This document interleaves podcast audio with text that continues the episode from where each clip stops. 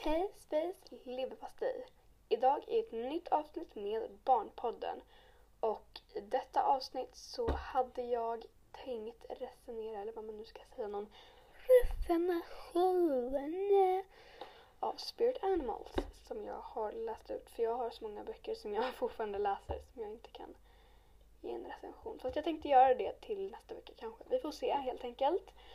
Och jag vill bara säga att jag kunde inte lägga upp något på onsdag men det var för att jag glömde bort hihi och jag kände att jag fick lite fredagsfeeling fast det är inte säkert att ni som lyssnar lyssnar på en fredag, onsdag, I don't know.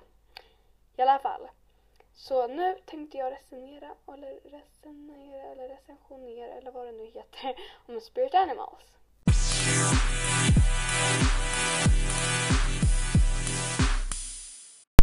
Okej, okay, Spirit Animals är en bok. Ja, mm, det är ganska självklart.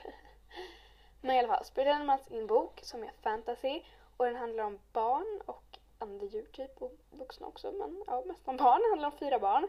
Och när, när man är 11 år då dricker man, och just det, alla är från olika byar, finns det olika byar. Typ, uh, nu kommer jag inte på någon, typ Tjong eller någonting. ja, Tjong. Mm. Nilo. Ja, precis.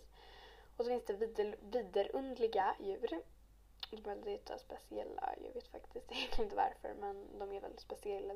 De har någon talisman som gör att de blir typ så här stora och mäktiga krafter. Ja. Så i alla fall, när man är 11 år då dricker man en sorts typ nektar. Så antingen får man ett andedjur eller inte och då är det fyra barn från fyra olika typ byar som dricker nektar.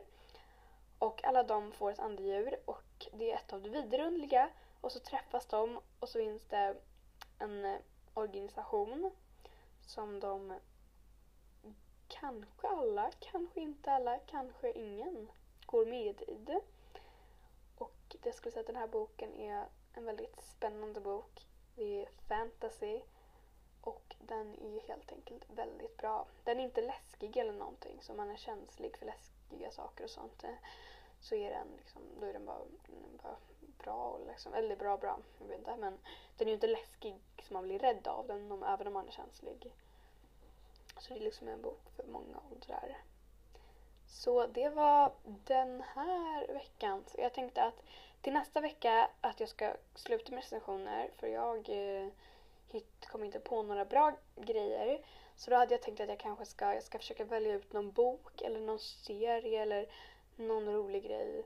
Och så tänkte jag någonting med böcker, att jag kanske läser upp någonting eller ja, men någonting sånt helt enkelt till nästa vecka.